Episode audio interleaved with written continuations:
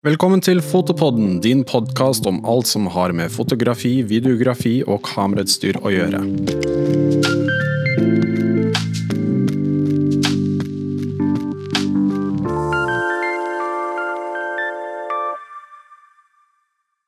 Kamerakuren er en bok som er full av øvelser som hele tiden vever mellom utviklingen av faglig nivå som fotograf og av deg som menneske. Den er skrevet av Torkil Færø, en allmennlege, fotograf og fotokursholder. Og i dag er vi heldige til å ha han med hos oss for å snakke om livsmestring, fotografi og mental helse. Velkommen, Torkil. Takk skal du ha. Veldig hyggelig å komme hit. Boken tilbyr jo 55 øvelser som vil gjøre deg til en bedre fotograf, men det vil også oppnå en mestringsfølelse i livet generelt. Hvor viktig vil du si den mestringsfølelsen er for ditt eget selvbilde? Den, det å mestre er jo helt essensielt for å, å føle seg vel og trives med livet sitt. Og det ser jeg jo gjennom jobben som lege, så ser jeg at det er mange som sliter med det. At mye av det vi kan kalle psykiske plager, egentlig bunner i manglende livsmestring. da. Og at de sliter med det. Og jeg så etter hvert på fotokurs at det er de samme rådene jeg gir eh, til fotografer for å ta bedre bilder, som jeg gir til pasienter for å få bedre liv. Og dermed så tenkte jeg at eh, er det mulig å trene på livsmestring? Altså kan man fotografere seg til livsmestring, på en måte? Og kan pasientene ha nytte av det? Kan det være en konkret måte å lære seg noe som er litt uh, uhåndgripelig og abstrakt, da, som hvordan du lever bedre? Og, og, da fant jeg ut at det, det går an. Det som man kan si det er lett å si, det er vanskelig å gjøre, er det jo mange som sier. Men det å fotografere det blir en slags eh, mellomting, da. Så du kan trene på noe som er vanskelig å sette ut i livet. Kan du trene på i mindre doser gjennom å fotografere det. Da. Det kan gå på sånt som å øve seg på å ikke være perfeksjonist. Det kan øve seg på å tøye tålmodigheten sin. Og generelt det å være til stede og bli handlekraftig. Da, noe som er bakgrunnen for at du kan ta bilder. Du trenger tilstedeværelse og handlekraft for å ta gode bilder. Og, og det trenger du for alle livsvalg ellers. Da. Mm. Og det blir jo også en form for uh, å kunne uttrykke seg selv også. Ja, for det, det som sliter, mange sliter med, er at det blir så mye inntrykk. Og mange av de som sliter i våre dager, som vi leser om i avisen, er jo det vi kan kalle høysensitive. Eh, som føler at inntrykkene på en måte bare kommer imot dem, og de har ikke noe forsvarsverk. Eh, og, der er, kan du si at eh, kamera er en type forsvarsverk. Du, du tar inntrykkene imot med kamera, og du lager et uttrykk av det. Og det opplever jeg at mange, spesielt da høysensitive, opplever som en terapi. Sånn at mange av de som kommer på fotokurs eh, og sier at jeg bruker kamera som terapi, det er disse høysensitive som, ja, som nå sliter med mye plager rundt angst og slitenhet og slike ting. Mm. Og er det noen gang, vil du si, for sent å starte med fotografering for noen? Nei, det er enkelt å svare på. Det er aldri. Det må ha vært etter at jeg er blitt blind eller noe. Ja. Men eh, sånn generelt, på fotokurs så har vi jo ofte deltakere over 80 år. Eh, og det som er fordelen med fotografi, er at den, det kan alle gjøre. Eh, alle har et kamera, også på mobilen. Og stort sett, i 90% av fotografering, så er mobilkamera like godt som noe annet. Og, og dermed kan du fotografere langt inn på gamlehjemmet, faktisk. Mm. Eh, fordi at selve teknikken dreier seg om å se noe og trykke på en knapp. Eh, det å bruke nysgjerrigheten sin for å lete etter ting, da, fange det. Så du kan si at det å fotografere tilfredsstiller nervesystemet vårt da, på en naturlig måte. Vi er laget for å gå ut og jakte og fange og samle. Og for så å dele det med andre. Det er det hele hjernen vår er konstruert rundt. Det er derfor vi som eh, Homo sapiens, som menneskeart, har overlevd og vært så gode på å tilpasse oss at vi har vært flinke til akkurat det. Grunnen til at eh, fotokurs eh, og workshoper er så populært, er at da gjør vi det som vi er lagd for. Sånn folk kommer hjem fra fotokurs og har fått et stort løft. Fordi at vi har drevet med de tingene som, som, som tilfredsstiller nervesystemet vårt, kan du si. Ja, og det, det du sier om det med å, å, å, å, jakte etter noe, det å liksom trenge et mål å gå etter. Du skriver det i boka, det, sier, liksom, det er et quote som du sier at, eh, at vi sitter på en gullkiste og tigger. Uh, og det er den mangel på motstanden som ikke, liksom, i hverdagen som gjør at vi blir veldig sånn passive og livet er liksom bare helt flatt. Og det må liksom gå litt opp og ned og sånne ting. Da. Og du får jo det med de utfordringene og det å lære noe nytt og det å lære eh, ja, som du sier, få den mestringsfølelsen. Mm. Og det kommer liksom ja, at Jeg merker at liksom en, en følelse av lykke kommer fra å oppnå et mål, eller reise til et mål, eller ha et mål å gå etter. Mm, ja, så Målet trenger ikke nødvendigvis å oppfylles, men det kan være noe å gå etter. og mm. Du kan si at Mange opplever at eh, livet er veldig vanskelig, er en kjempestor motstand. Da. Og Det kamerakuren er, er egentlig å bryte ned disse, denne store motstanden ned i små, håndterbare motstander. Eh, sånn at du vokser deg sterkere gjennom å håndtere disse, så blir du sterkere. Så det er den du blir, selv om målet er å ta bedre bilder, så er det den du blir gjennom å ha lært deg det, som er den eh, riktige belønningen, da, kan du si. Hvem du utvikler deg til å, bli. Og det å ta et godt bilde er en vanskelighet i miniatyr. Og måten du løser den vanskeligheten på, er måten du løser eh, selv de største vanskeligheter. Da. Og Dermed kan du trene på det å møte og akseptere og takle vanskeligheter gjennom det å takle de enkelte fotooppgavene i boka. Men å ta det steg for steg, som du sier, det å liksom Litt av gangen. Litt, litt av gangen. gangen. Ja. Det, er, det, er, litt sånn rart å tenke på. Jeg har tenkt på den gangen at uh, det var um, en som vet du hvem Ken Robinson er? Ja. Veldig veldig flink. Han skrev en bok som heter uh, The Element. Han snakker om hvordan kreative folk ble kreative. og hvordan Han sa det morsomt at liksom sånn, du, du, må jo tenke deg at uh, Shakespeare var jo en gang noens elev i engelsktimen. At han begynte en gang, han også. Og alle som du ser opp til og er liksom store i sitt felt, var jo nybegynnere en gang, de også. Absolutt, og de har stort sett vært dårlige. Så de som har kommet seg lengst og blitt best i sitt fag, er ikke de som startet med et forsprang, men det er som regel de som startet med noe ulempe og startet langt bak. Sånn at idet de nådde igjen de som hadde fått det gratis, på en måte, så var de fortsatt eh, i farta eh, og visste hvordan de skulle utvikle seg for å bli bedre, og nådde høyere nivåer. Sånn at um, stort sett det aller beste fotografene også er jo ikke nødvendigvis utdannet fotografer. Um, jeg husker jeg hadde en workshop jeg presenterte 50 av verdens beste fotografer. og Så ble jeg spurt om å finne ut hva slags utdannelse de hadde. Og Da var det to av de 50 som hadde fotografiutdannelse. Sånn at eh, I fotografi er det en fordel å ikke ha kommet ut av eh, kverna på en måte, og ha lært seg hvordan man såkalt skal fotografere. Det å finne sin egen vei er jo det som er bra i fotografi. Og, og fotografi er også bra for de rare. For at eh, Jo rarere bilder du tar, jo, jo, mer interessant er det. Der hvor du vanligvis i den norske skolen skal være normal og holde deg innenfor rammene, da, så, så blir rarhet og underlighet premiert i fotografi. Ja, og det er jo ofte sånn at um, har i hvert fall jeg merket at kreative mennesker blir jo er ikke ofte de som er flinkest på skolen. Ofte de som er dårligst. For de har ofte vært eh, dårlige på den, det å lese. Så mange av de beste fotografene er jo dyslektikere, f.eks. Sånn at det, de har ikke likt seg så godt på skolen. Og, mange av de, hvis du ser intervjuer med de som har lykkes i en kreativ bransje, så har de vært sett på som raringer gjennom skolegangen og vært litt utafor det, det, normale.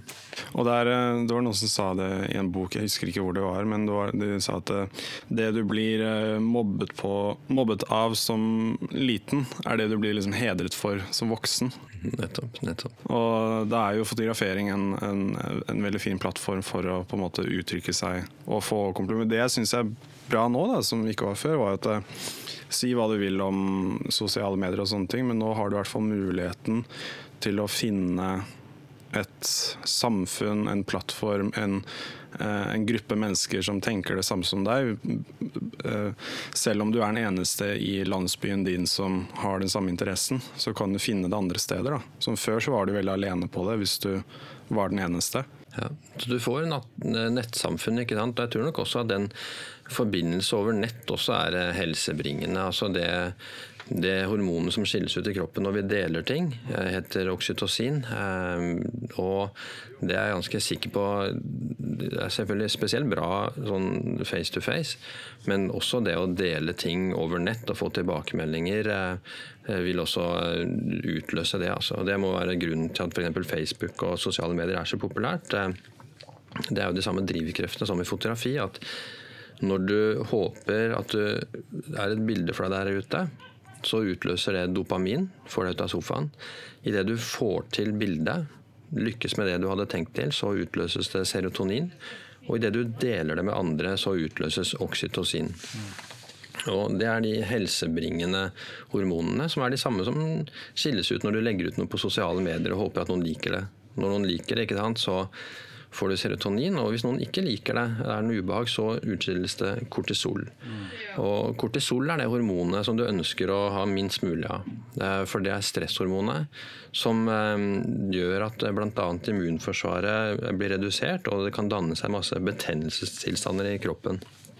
Sånn at jeg opplever at det å fotografere holder det på avstand eh, og er helsebringende eh, i seg selv. Mm, det er antidepressiv, rett og slett? Ja, det er det. Altså, mange som bruker det som det. Og, og også ikke bare antidepressivt, men også det skaper motstandskraft. Mm. Jeg tror nok jeg har en personlig en større motstandskraft gjennom å ha brynet meg på å bli en bedre fotograf og tålt eh, motganger og oppturer. Og, for det er vanskelig å ta gode bilder. Det det er lett å ta et bilde, men det er utrolig vanskelig å ta et eh, godt bilde.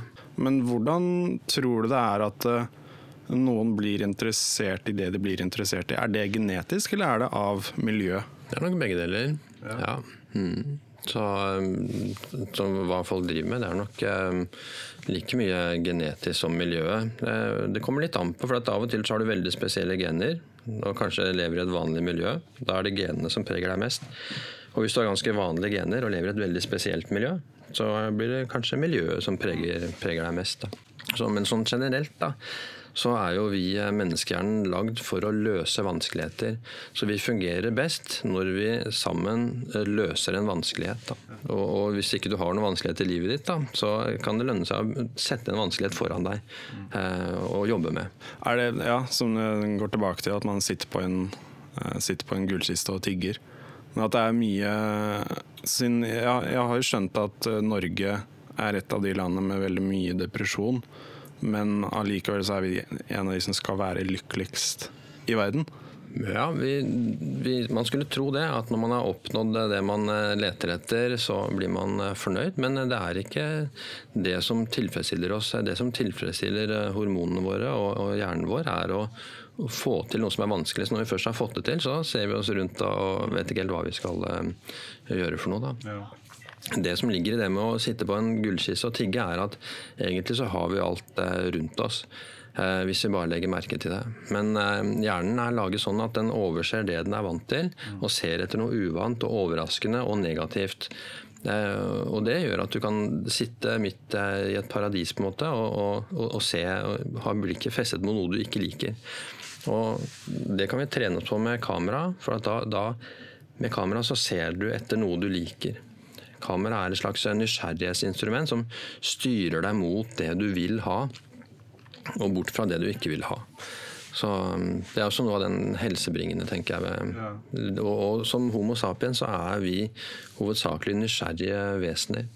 Og, og da er dette nysgjerrighetsinstrumentet som er kamera, et eh, noe vi kan bruke aktivt. Kanskje en av grunnene til at man eh, tar mye mer bilder når man er på ferie eller når man er ute og reiser, versus det å bare sitte på toget på vei til jobb eller noen sånne ting.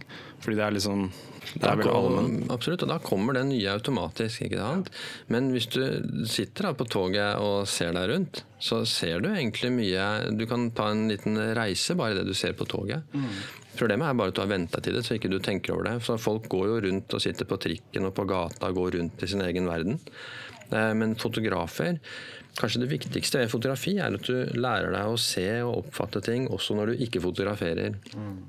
Så da ser du plutselig detaljer rundt deg som, som gir deg noe. Da. Jeg tenker på at eh, det å se, det er visuell mat, på en måte. Så hvis hjernen ikke får noen nye synsinntrykk, så sulter den visuelt. da. At eh, vi trenger å se nye ting. Det er vi laget for. Ja, men jeg, jeg merker jo det som, ja, som en fotograf, at hvis jeg har et kamera i hånda, så blir jeg mye mer nysgjerrig på ting automatisk, nesten. Hvis jeg går rundt med kamera i hånda, så observerer jeg ting mye, mye mer. Da. Og det er jo, altså Nå i tiden er det jo mye snakk om mindfulness og meditasjon og tilstedeværelse, og det kan være ganske strevsomt da, å eh, gjøre det. Men kameraet tvinger deg til å gjøre det i seg selv. Når du får et kamera i hånda, så tvinger du deg til å være til stede, til å være observant, til å være oppmerksom. For ellers så blir bildene dårlige. Mm. Så du, du, du, trener deg opp på en måte nervesystemet til å, å komme inn i den modusen. da. Det er jo noen også som kan på en måte kalle det noen som sier hvor viktig det er å kjede seg litt noen ganger. Og Det er da du blir observant på hva du har rundt deg, fordi du, du er, hjernen er ikke opptatt på andre ting, den skal registrere bare.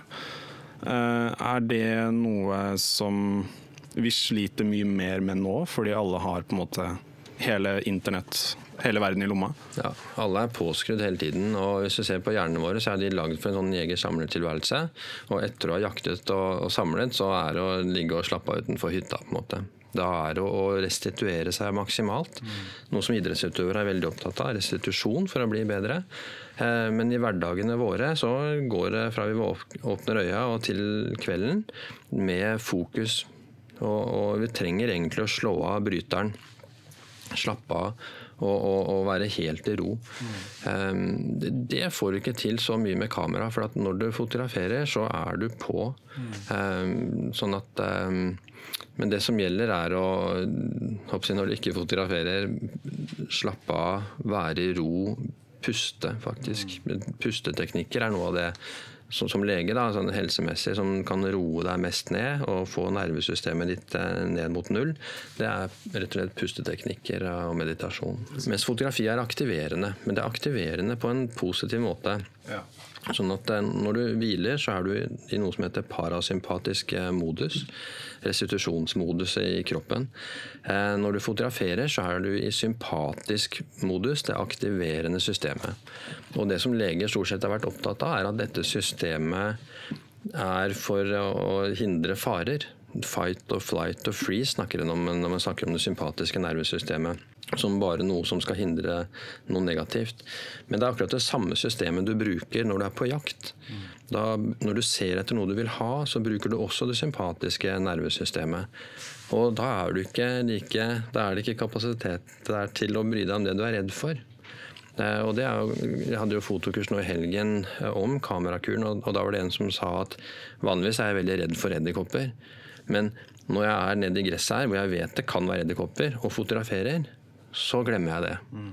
Og litt sånn er det. at når, når, hjernen din er opptatt av det du vil ha, så er det ikke kapasitet til å være opptatt av det du ikke vil ha. I hvert fall akkurat den tiden du fotograferer. Jeg skjønner akkurat hva du mener. fordi jeg, Da jeg begynte som fotograf, så var, jobbet jeg mye på eventer. Og var mye på sånn pressevegger og skulle liksom få oppmerksomheten til folk. da.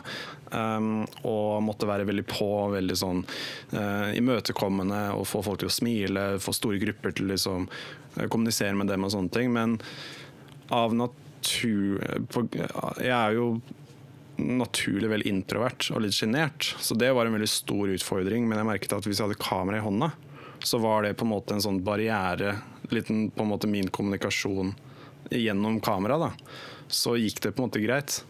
Men med en gang jeg gikk på si samme event uten kamera, så var det jeg skrudde på en karakter, på en måte, men jeg klarte det pga. at jeg hadde kamera i hånda. Ikke sant? Så, og, og, Det stemmer nok godt at kamera blir en slags pass da, inn til situasjoner. Eh, også når du er ute på reise, så kan du liksom gå inn og ta kontakt med folk når du har kamera.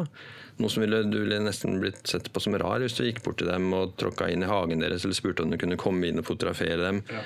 ikke sant, uten kamera. Ja. Så, så, jeg har alltid sett på som både stetoskopet og kamera som pass inn til folks eh, liv. da. En sånn adgangskort som gir deg tilgang. da. Og Det er fint det du nevner med introvert, fordi at eh, kamera er på en måte de introvertes eh, instrument. Eh, Der hvor, for at kamera er sensitivt, det tar inn inntrykk. Og på fotokurs så vil jeg si at 80% av de som kommer på fotokurs, er introverte. Introverte og høysensitive. som da igjen er nettopp er de som nå i stor grad sliter i, i samfunnet. Så, så, her tror jeg vi kan bruke da en moderne løsning på å løse dette problemet, egentlig. Eller hjelpe på det, i hvert fall. Det er både pluss og minus med å være det, men også pluss og minus med å være det motsatte også. Ekstroverte, ja. Så på alle fotokurs er vi veldig glad for de ekstroverte som skaper liv. Og ellers så blir det jo Det er jo denne kombinasjonen som er fin, da. Blandingen av ekstroverte og introverte. Og f.eks. i kamerakuren er jo nettopp en av oppgavene å gjøre deg klar over er du introvert eller ekstrovert. Og hvordan påvirker det bildene dine, og hvordan påvirker det kommunikasjonen din. Og jeg ser jo ofte at Introverte kan være litt for seine i avtrekkeren. De kan være litt for beskjedne og tilbaketrukne og ikke by nok på seg selv. De kan ofte være så tilbakeholdne at de ikke gjør seg tilgjengelig for å bli likt. Mm.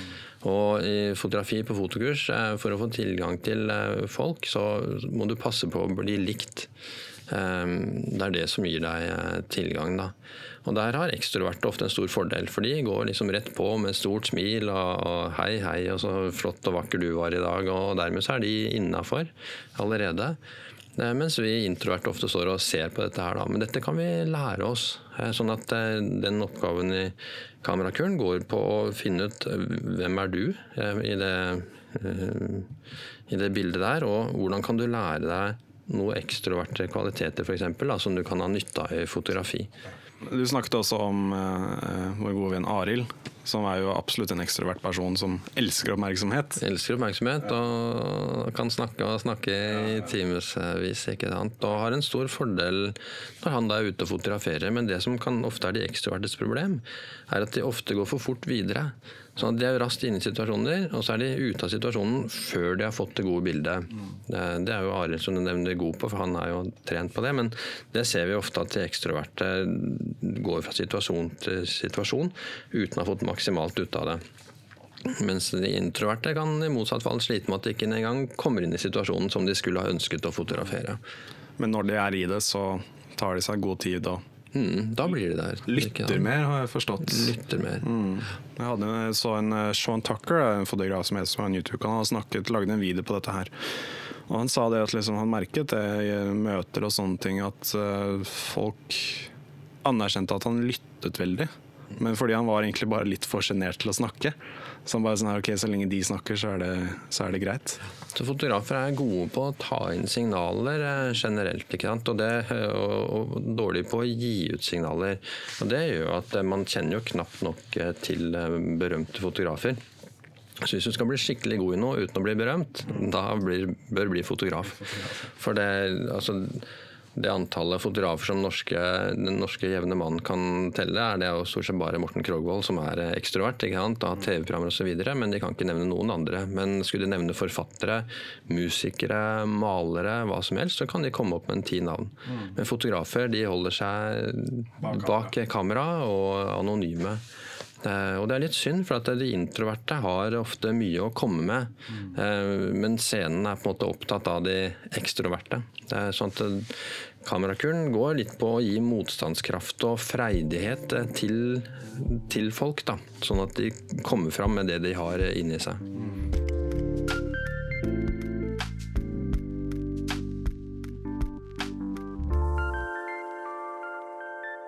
Som vi snakket om det med å øh, være kreativ og noe genetiske miljø og sånne ting. Det er jo en viss blanding, som vi sa. Men det, jeg har inntrykk av at det er mange som tror at man ikke kan lære seg å være kreativ.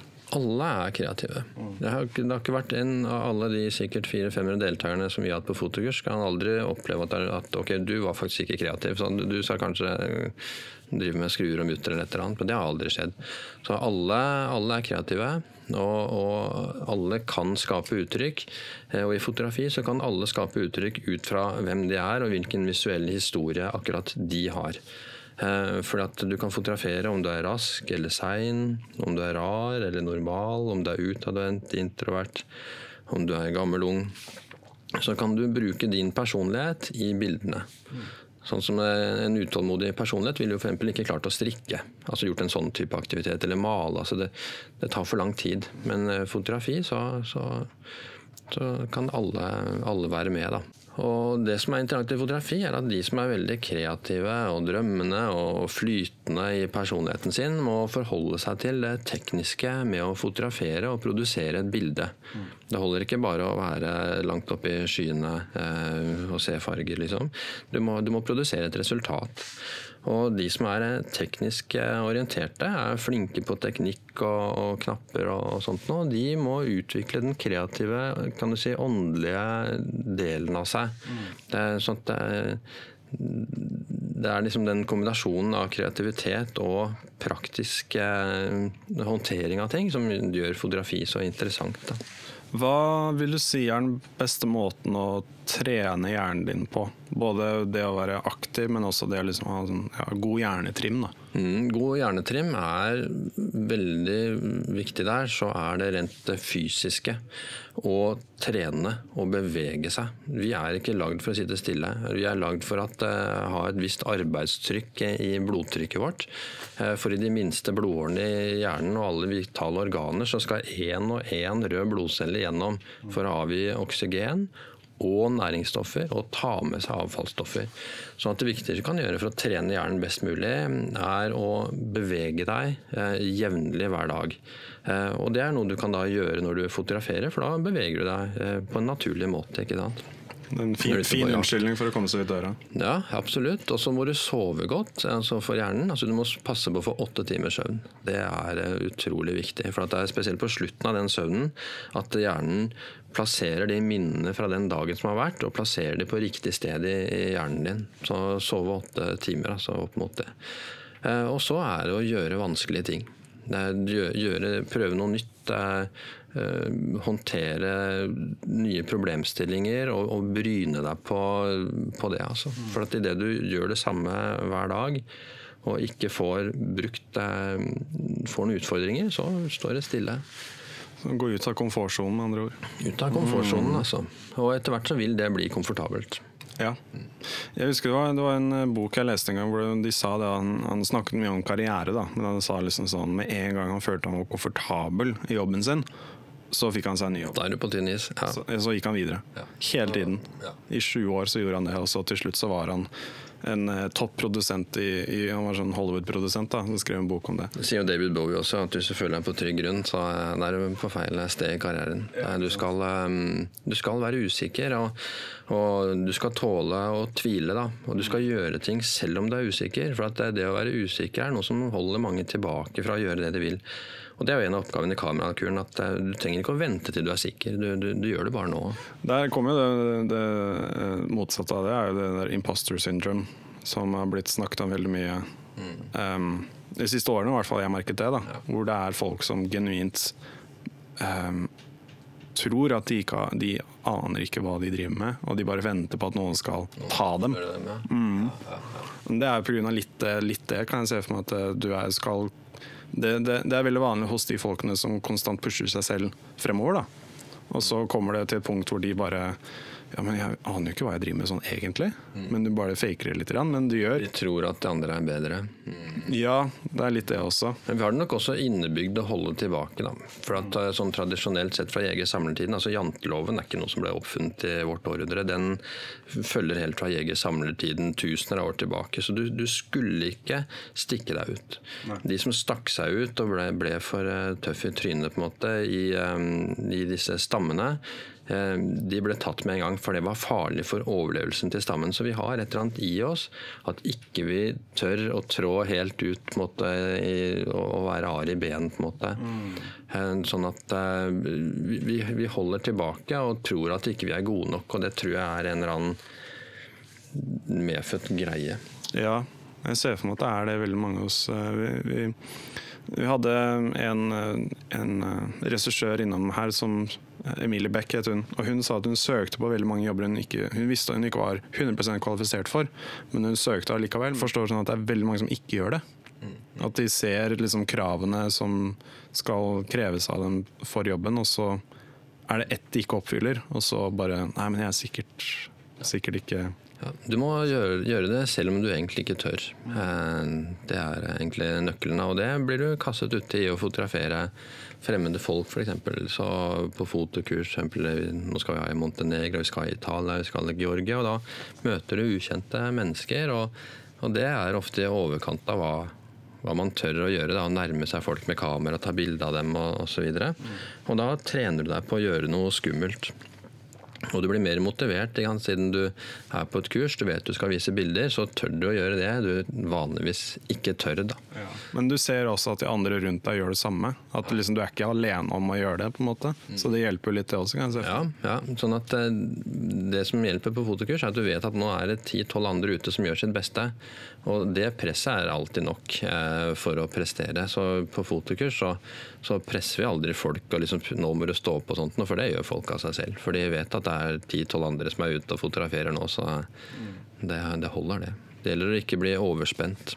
Og det, eh, felles, det fellesskapet også som blir skapt på disse kursene, Eh, er også veldig viktig. kan jeg se for meg At det er viktig med at det er en gruppedynamikk. Gruppedynamikk at Fotografer trives veldig sammen. For at fotografer er ofte individualister. Eh, og gjør sin egne greie. Og når de da møter folk som tenker likt og opptatt av det samme, så, eh, så, blir jo selv de mest introverte kan jo se ut som de er ekstroverte og har det, har det veldig gøy sammen. Da. Så fotografer er er en blanding av, av, sensitive, handlekraftige folk som det er moro å være rundt. Mm.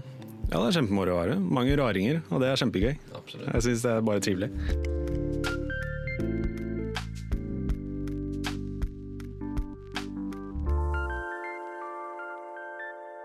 Du snakker også litt i boka om det at uh, alle fotografer ser jo Eh, på en måte kunst på forskjellige måter. At de liksom ser forskjellige motiver. Eh, og de har på en måte sine inntrykk og ting de syns er interessant, som kanskje andre personer ikke syns er like interessant. Hvorfor er, tror du det er sånn? Det er veldig individuelt, som du sier. Alle har sin individuelle bildehistorie. Og hjernen vår er sånn at den lager opplevelser i bilder. Hvis du f.eks. tenker på din gamle lærer fra barneskolen, så har du et slags bilde av han. Hvis det var en eller annen episode du husker, eh, så, så er det bildet av den situasjonen som, som, sitter igjen. Så hjernen vår er, er, vant til å tenke i bilder. Og det du har opplevd i bilder, preger hvilke bilder du ser etter, og hvilke bilder du tar. Derfor vil det på enhver fotokurs, selv om vi er på samme plassen, være stor variasjon i hva folk responderer på. da avhengig av den visuelle historien de har, og noen kan være mer opptatt av farger f.eks.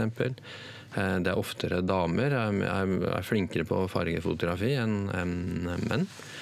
Eh, men uansett så vil det du har lagret, lagret, av visuell historie, vil påvirke hva hjernen din retter blikket mot. Og Det er noe av det som jeg syns er spesielt interessant. at Istedenfor å og, det å slippe folk fri som, som fotokurslærer, så er det viktig for meg å både å veilede til en viss grad, men kanskje enda viktigere å ikke stå i veien for folk. Um, sånn at eh, jeg må passe på at folk eh, kommer fram med sitt uttrykk som de har funnet selv, og så kan jeg på en måte dytte litt her og der for å se om det kan eh, hjelpe. Men fremfor alt komme meg unna veien, sånn at det ikke er liksom tolv stykker som fotograferer sånn som jeg syns er best å fotografere. Ja. Så Derfor har, har, vi et Når vi har bildegjennomganger, så er det ikke sånn at jeg forteller dem dette og dette er et godt bilde og dette er dårlig, og pga. det og det. Vi går sammen gjennom bildene, og alle har sin stemme når det gjelder å vurdere bildene. Og, og det tror jeg gir et bedre reelt resultat av hvordan bildene oppleves i verden. Da. Og du trenger andre til å se bildene. for at, hvis du, bare, du kan ikke bare stole på egne vurderinger.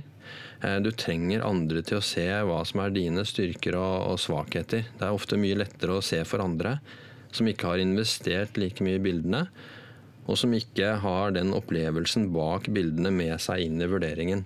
Eh, derfor er det utrolig viktig å få andre til å, se bildene, og se, fra, se, dine bilder fra andres uh, synsvinkler. Da. En ting du også skrev om, var definisjonen folk har om flaks. Og du skrev at liksom, flaks er lik forberedelse pluss mulighet. Uh, og da var det liksom sånn at de som har uflaks, på en måte leter, etter, leter ikke etter muligheter for å få til det de gjerne vil.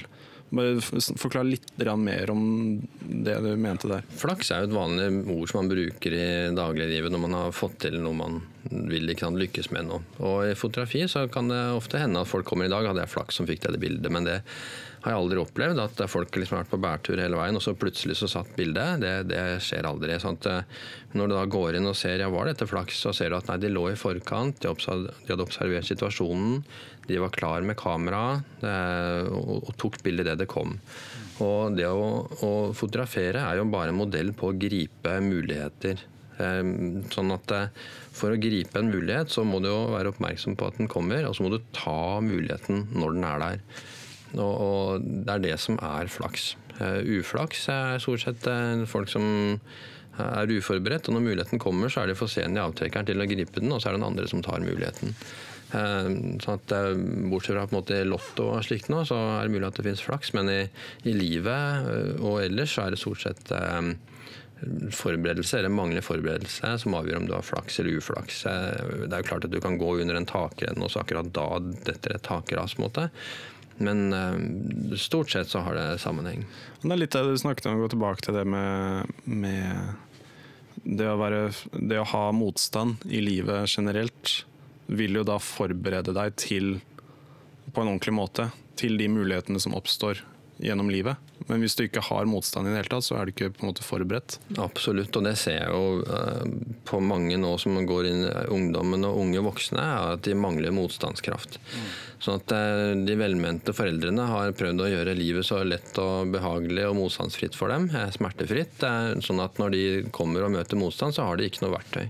Så det er liksom som å, å, vente med å lære seg engelsk til du blir 25. Da, da klarer du det ikke så godt i den alderen. Så at det som gjelder, er å, å trene på å gi barn og, og, ungdom og alt eh, små doser med motstand som gjør dem mer motstandsdyktige. Det er bare én måte å bli motstandsdyktig på. Det er å ha møtt motstand og, og taklet det. da. Så, så, det er utrolig viktig for å, å skape god psykisk helse, altså motstandskraft. Akseptere motstand. Mange av de pasientene som er dårligst, er jo de som ikke aksepterer motstand og bare irriterer seg over det. Men hvis du skal leve et godt liv, så må du si at ja, takk for den motstanden. Den skal jeg håndtere. Og, ja.